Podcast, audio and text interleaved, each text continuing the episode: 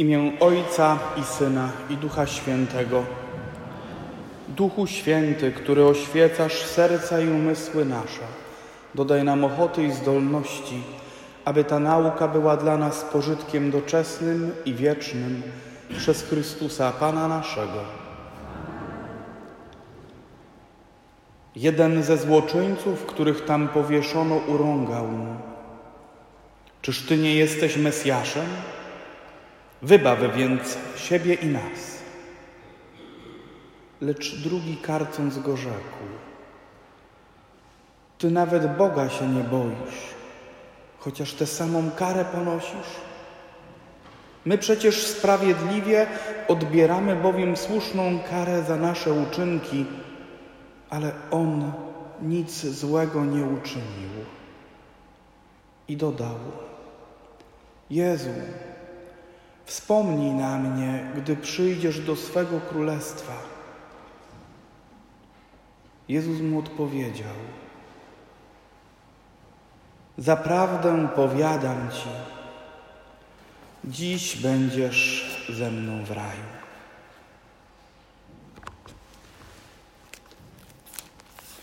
Kiedy otworzymy sobie Pismo Święte na pierwszych jego kartach, kiedy przeczytamy sobie opis stworzenia człowieka, dojdziemy do słów, w których mowa o Edenie. A zasadziwszy ogród w Edenie na wschodzie, Pan Bóg umieścił tam człowieka, którego ulepił. I Eden jest opisany jako miejsce piękne na rozkaz Pana Boga wyrosły z gleby wszelkie drzewa, miłe z wyglądu i smaczny owoc rodzące, oraz drzewo życia w środku tego ogrodu i drzewo poznania dobra i zła. Z Edenu zaś wypływała rzeka, aby nawadniać ów ogród i stamtąd się rozdzielała, dając początek czterem rzekom. Jawi się Eden jako miejsce piękne, szczęśliwe, radosne. Człowiek przebywa w nim, otoczony stworzeniem, zwierzętami, które Pan Bóg stworzył dla niego. I w tym wszystkim jest pokój, w tym wszystkim nie ma nienawiści, nie ma zła, nie ma chorób, nie ma śmierci. I żeby było jeszcze szczęśliwiej, Pan Bóg stawia tam Adamowi Ewę, aby była mu towarzyszką. Ale to było zbyt piękne. Wąż, który był bardziej przebiegły niż wszystkie zwierzęta lądowe, które Pan Bóg stworzył, rzekł do niewiasty. I zaczęło się.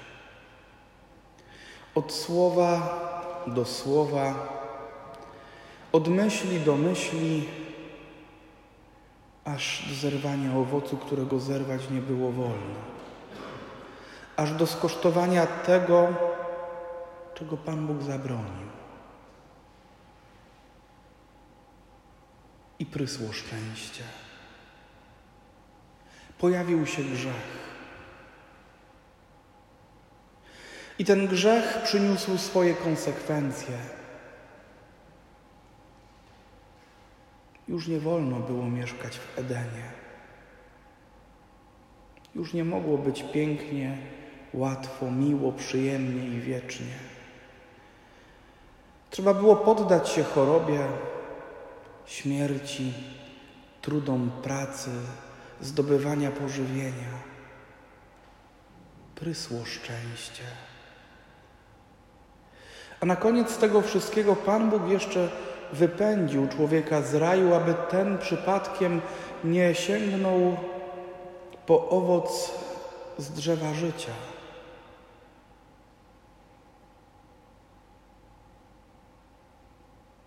I skończyło się. Ale człowiek nie odszedł z Edenu pozbawiony nadziei, bo to by nie było Boże. Pan Bóg, kiedy przeprowadza swój osąd całej sytuacji grzechu, osądza też węża. i w tym osądzie zawiera obietnicę dla całego rodzaju ludzkiego. Wprowadzam nieprzyjaźń między ciebie a niewiastę. Pomiędzy potomstwo twoje a potomstwo jej. Ono ugodzi cię w głowę, a ty ugodzisz je w piętę.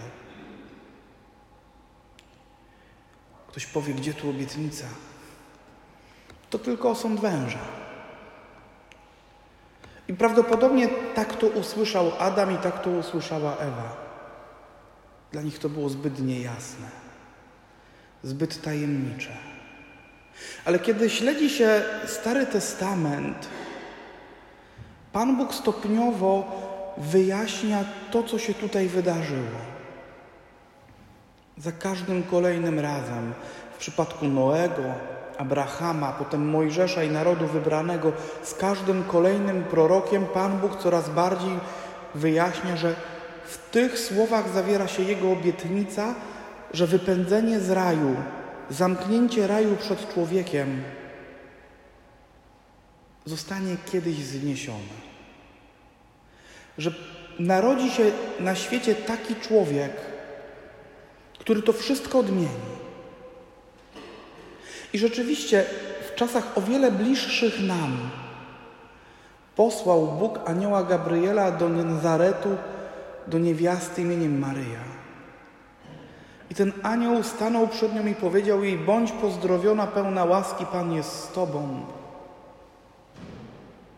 A ona, rozmawiając z aniołem, tak jak kiedyś Ewa z wężem,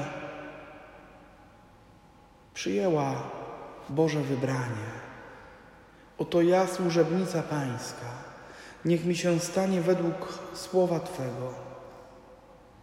I została matką Boga w osobie Syna, który stał się człowiekiem.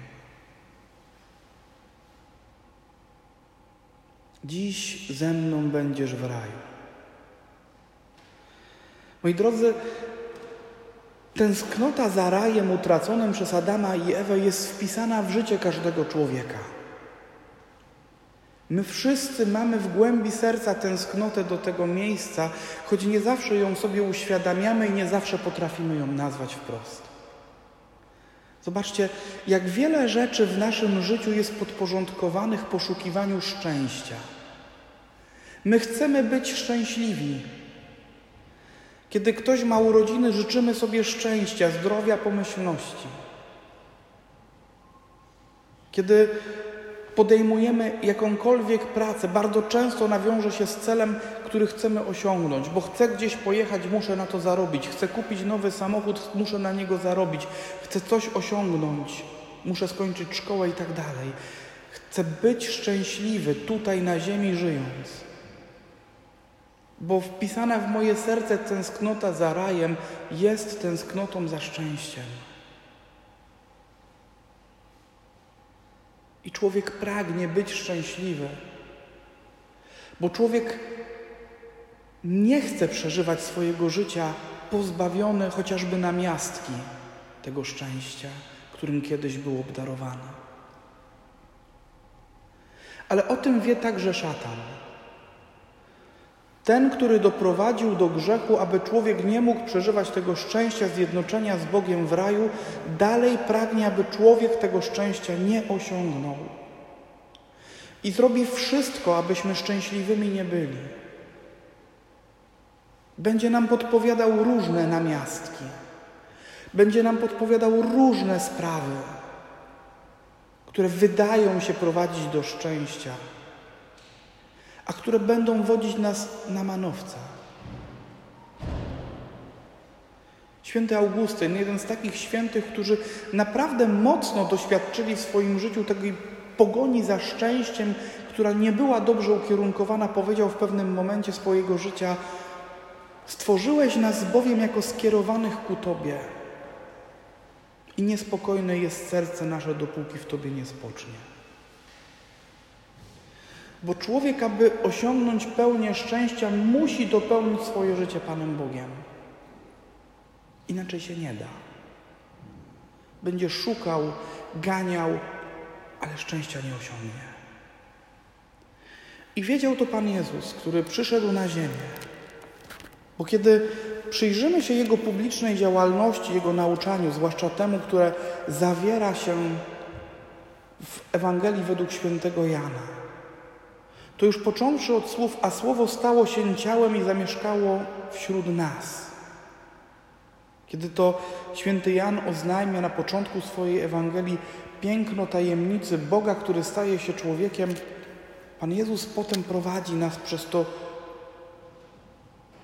przypomnienie i dopełnienie Bożej obietnicy otwarcia raju dla wszystkich, przywrócenia stanu pełni szczęścia w jedności z Bogiem. Do Nikodema Pan Jezus powie: Tak bowiem Bóg umiłował świat, że syna swego jednorodzonego dał, aby każdy, kto w niego wierzy, nie zginął, ale miał życie wieczne. Później do swoich uczniów, pouczając ich, będzie mówił: Albowiem chlebem Bożym jest ten, który z nieba stępuje i życie daje światu. Ja jestem chlebem życia. Kto do mnie przychodzi, nie będzie łaknął, a kto we mnie wierzy, nigdy pragnąć nie będzie. To bowiem jest wolą Ojca mego, aby każdy, kto widzi Syna i wierzy w Niego, miał życie wieczne, a ja go wskrzeszę w dniu ostatecznym. I kiedy staje się krzyż, kiedy Pan Jezus staje na Golgocie, właściwie jest wywyższony na Golgocie, osadzony na krzyżu pomiędzy dwoma łotrami, dyzmą i gestasem, dobrym i złym. Kiedy wreszcie dopełnia tej obietnicy, wypowiadając do dyzmy słowa: Dziś ze mną będziesz w raju, to robi to tylko po to, by pokazać, stało się to, co mój ojciec obiecał u zarania dziejów. Oto ja otwieram niebo dla człowieka. Jest taka piękna ikona prawosławna zstąpienia do otchłani. Ona jest teologicznym wyrażeniem tego, co się dokonuje, kiedy Pan Jezus już umarł i kiedy otwiera rzeczywiście ten wejście do nieba.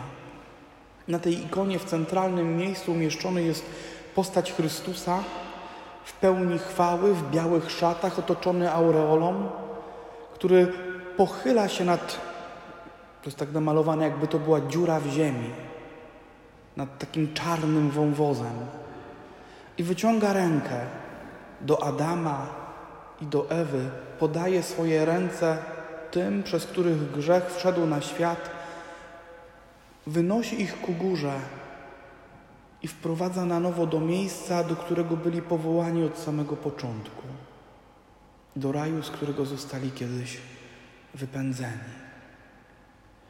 My też jesteśmy powołani, aby w tym szczęściu mieć udział. Słowa, które Pan Jezus skierował do dobrego Łotra, dziś ze mną będziesz w raju, one są słowami także dla nas. I my już tutaj poprzez wiarę, poprzez sakramenty, zwłaszcza Eucharystię, możemy uczestniczyć w zadatku tego szczęścia.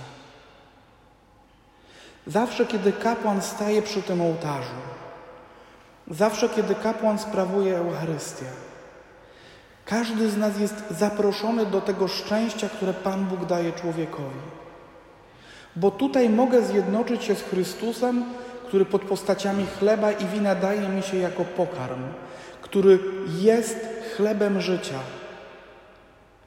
I tak naprawdę w życiu tutaj na ziemi tak na, chyba nie ma piękniejszej i bardziej dostępnej możliwości do zjednoczenia się z Bogiem, jak właśnie Komunia Święta.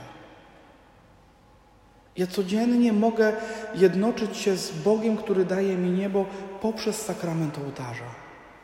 Ja mogę codziennie nim żyć, jeśli tylko będę chciał. I wiecie, to jest chyba najważniejsze zadanie, które wypływa z tej obietnicy. To jest nasza obietnica na życie wieczne w niebie Eucharystia. Czymś pięknym byłobyśmy tak żyli, by móc Komunię Świętą przyjmować codziennie. By rzeczywiście karmić się ciałem Chrystusa, chlebem, który daje życie wieczne Chlebem, który jest w stanie doprowadzić mnie do nieba, abym osiągnął te szczęście, którego szukam całym moim życiem. Bym poprzez sakrament Eucharystii dopełnił w swoim sercu tę pustkę, która zrodziła się w momencie grzechu Adama i Ewy. Żyć tak, by codziennie być godnym przyjąć Chrystusa do swego serca, by codziennie Nim się karmić, by codziennie z Nim się jednoczyć, tak mocno w to uwierzyć, by zrobić wszystko, by to się stawało moją codziennością.